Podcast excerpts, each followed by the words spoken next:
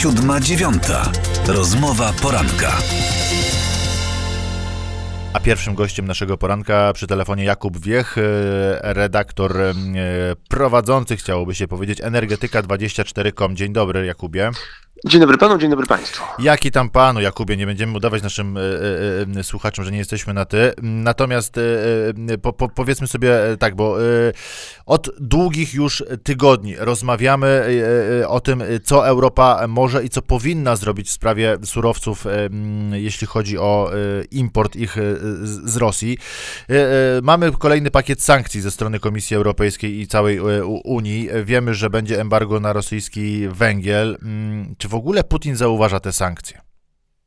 Tak, to jest, te sankcje są zauważane i jeżeli spojrzymy na rozmiar, na zakres tych instrumentów, które zostały wdrożone od 24 lutego, no to one są bezprecedensowe w historii Unii Europejskiej. Natomiast e, to jeszcze nie jest maks naszych możliwości, to jeszcze nie jest to wszystko, co możemy zrobić, żeby e, uderzyć w rosyjską gospodarkę, żeby wziąć udział w tej wojnie na płaszczyźnie ekonomicznej i e, Oczywiście trzeba pamiętać, że sankcje się stopniuje, że to są instrumenty, które są nakładane falami, żeby podnosić poprzeczkę, żeby podnosić te rygory, zostawić sobie miejsce na e, kolejne uderzenia, coraz bardziej dotkliwe.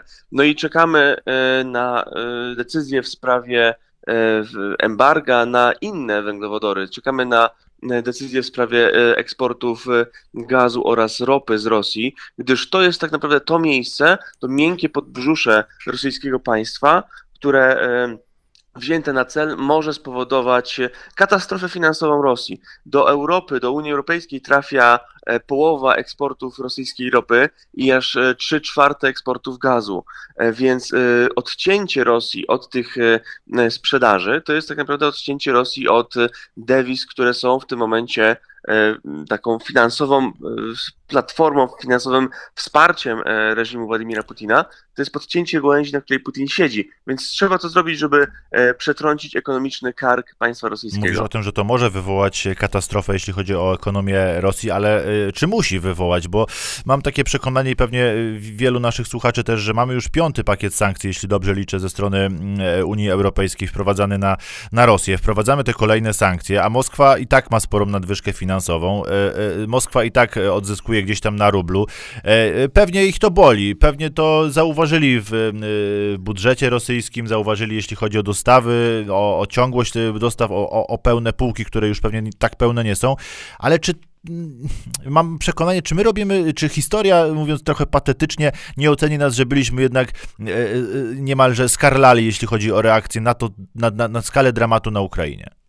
Oczywiście tutaj e, patrząc na to, co, co widzieliśmy, jeżeli chodzi o e, sytuację z Buczy, na te zdjęcia e, pomordowanych cywilów, którzy zostali zabici przez, przez Rosjan, to budzi się w, w nas gniew, budzi się w nas chęć jak najdotkliwszego uderzenia w Rosjan i mam nadzieję, że takie uderzenie naprawdę pójdzie. Natomiast trzeba pamiętać o, o celu sankcji, to znaczy jeżeli od razu, e, że tak ujmę, wypstrykamy się z naszych instrumentów, które możemy e, nałożyć, no to dojdziemy do, do, do, do ściany, w której już e, nic dalej nie może być zrobione.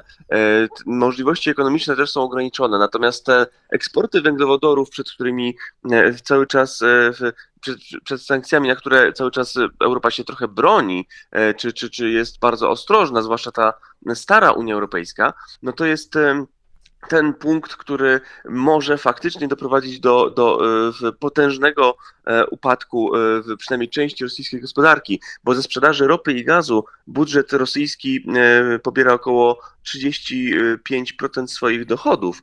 To są potężne wpływy i stabilność finansowa państwa rosyjskiego w tym momencie jest w dużej mierze uzależniona właśnie od dopływu zagranicznej No gotówki. tak, ale też pewnie słyszałeś i spotkałeś się z takimi opiniami, że no dobrze, nawet jak ich odetniemy od rynku europejskiego, jeśli chodzi o węgiel, gaz e, i ropę, to oni to sprzedadzą sobie gdzieś na wschód do Chin albo do innych jeszcze e, państw. Czy to możliwe? No to właśnie nie jest do końca prawda, gdyż e, Rosja nie ma możliwości infrastrukturalnych, żeby przekierować tak duże wolumeny surowców, jakie w tym momencie sprzedaje do Europy, na inne rynki. Rosjanie już teraz informują, że magazyny e, produktów naftowych i ropy są prawie pełne e, i najprawdopodobniej w ciągu najbliższych kilku tygodni, jeżeli tutaj nic się nie zmieni, e, będzie cięte wydobycie, bowiem ropa rosyjska jest w tej w takiej interesującej, czy tak powiem, finansowo sytuacji, że ona już teraz jest omijana przez traderów.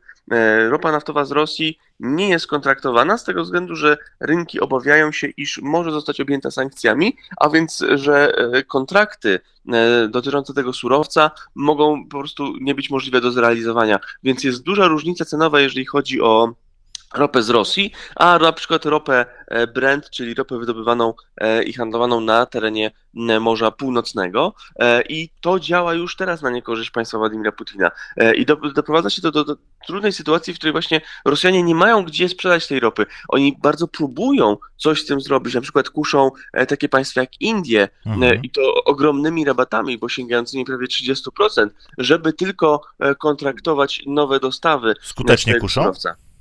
Skutecznie, ale to nie są te wolumeny, o które Rosjanom chodzi, bo tak dużych eksportów, jakie trafiają do Europy, nie będzie można łatwo e, e, umieścić w, w innych e, rynkach, chociażby ze względu na infrastrukturę. Znaczy, nie ma gazociągów, nie ma rurociągów, które byłyby w stanie przetransportować tak duży wolumen paliwa z, na przykład do, do, do Chin czy do Indii. No to wróćmy jeszcze na chwilę na polskie podwórko. Nie wiem, czy redaktorze jesteś kierowcą, ale ja czasem się zastanawiam, tankując swój swój samochód albo odkręcając e, swój kurek za gaz, czy rzeczywiście jest tak, że to, to możemy takie mieć e, przełożenie, że no mówiąc wprost, y, tankując y, dzisiaj swój samochód, y, po prostu płacimy tym samym za bomby spadające na, na Mariupol, czy, czy za masakrę w Buczy. Nawet był taki, krąży w internecie taki mm, spot, nie pomnę niestety kogo, czyj, ale on pokazuje, że tak naprawdę kiedy my wkładamy odpowiednie, odpowiednie maszyny do swoich baków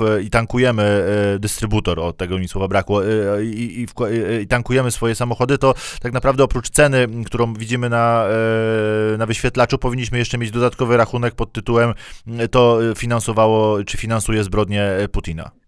Tak, ten spot jest w, w, trafił wczoraj na Instagrama prezydenta Zełańskiego i to, to jest prawda, to znaczy e, te finansowe aspekty sprzedaży rosyjskich surowców energetycznych to jest droga do wspierania e, pośredniego rosyjskiej agresji. E, natomiast e, trzeba pamiętać, że no, uniezależnienie się od rosyjskich surowców to nie jest coś, co można zrobić z dnia na dzień. A dlaczego nie można? Z tego względu, że chociażby trzeba zakontraktować alternatywę i mówiąc o embargu na na przykład ropę czy gaz, my mówimy raczej o pewnym procesie, który, który potrwa przez co najmniej kilka tygodni, z tego względu, że Trzeba będzie kontraktować alternatywne dostawy po to, żeby nasza gospodarka również funkcjonowała. Więc dlatego tak dobrze by byłoby szybko przystąpić do e, prac nad tym instrumentem, żeby przygotować się też również e, ekonomicznie w tym ujęciu handlowym. E, to jest możliwe, żeby w pewnej istotnej części pokryć różnice, e, w, jeżeli chodzi o, e, o, o, właśnie zastąpienie surowców rosyjskich innymi. No ale też trzeba pamiętać, że jeżeli Europa nauczy się e, żyć bez rosyjskich surowców, jeżeli uda nam się wypracować i to relacje handlowe, i też zbudować odpowiednią infrastrukturę do odbioru paliw spoza E, państwa e, rosyjskiego, to my w tym momencie tak naprawdę e, dostajemy do ręki narzędzie, które jest w stanie długotrwale uszkodzić konstrukcję finansową reżimu Putina i cofnąć Rosję naprawdę o dekady. To będzie gigantyczny regres rosyjskiej gospodarki, jeżeli ona straci tego potężnego klienta, jakim jest klient europejski, więc trzeba takie działania podejmować. Już teraz mamy deklaracje na przykład ze strony państw E, bałtyckich, że przestaną kupować gaz od Rosji. Polska również zapowiedziała pewne limity czasowe, jeżeli chodzi o korzystanie z rosyjskich surowców. E, w tym roku mamy przestać kupować rosyjski węgiel, ropę i gaz. E, to są zapowiedzi, które e, no, pozycjonują nas w pewnej europejskiej awangardzie, jeżeli chodzi o takie działania. Mam nadzieję, że inne państwa Europy pójdą naszym śladem, z tego właśnie względu, że no, to jest nasze uczestnictwo w, w tej wojnie na płaszczyźnie ekonomicznej. I o ile rozumiem, że w dużej części społeczeństwa, czy to polskiego czy europejskiego nie stać na bardzo drogą benzynę, tak na wojnę w Europie no, nie stać nikogo. To znaczy lepiej płacić 10 zł za litr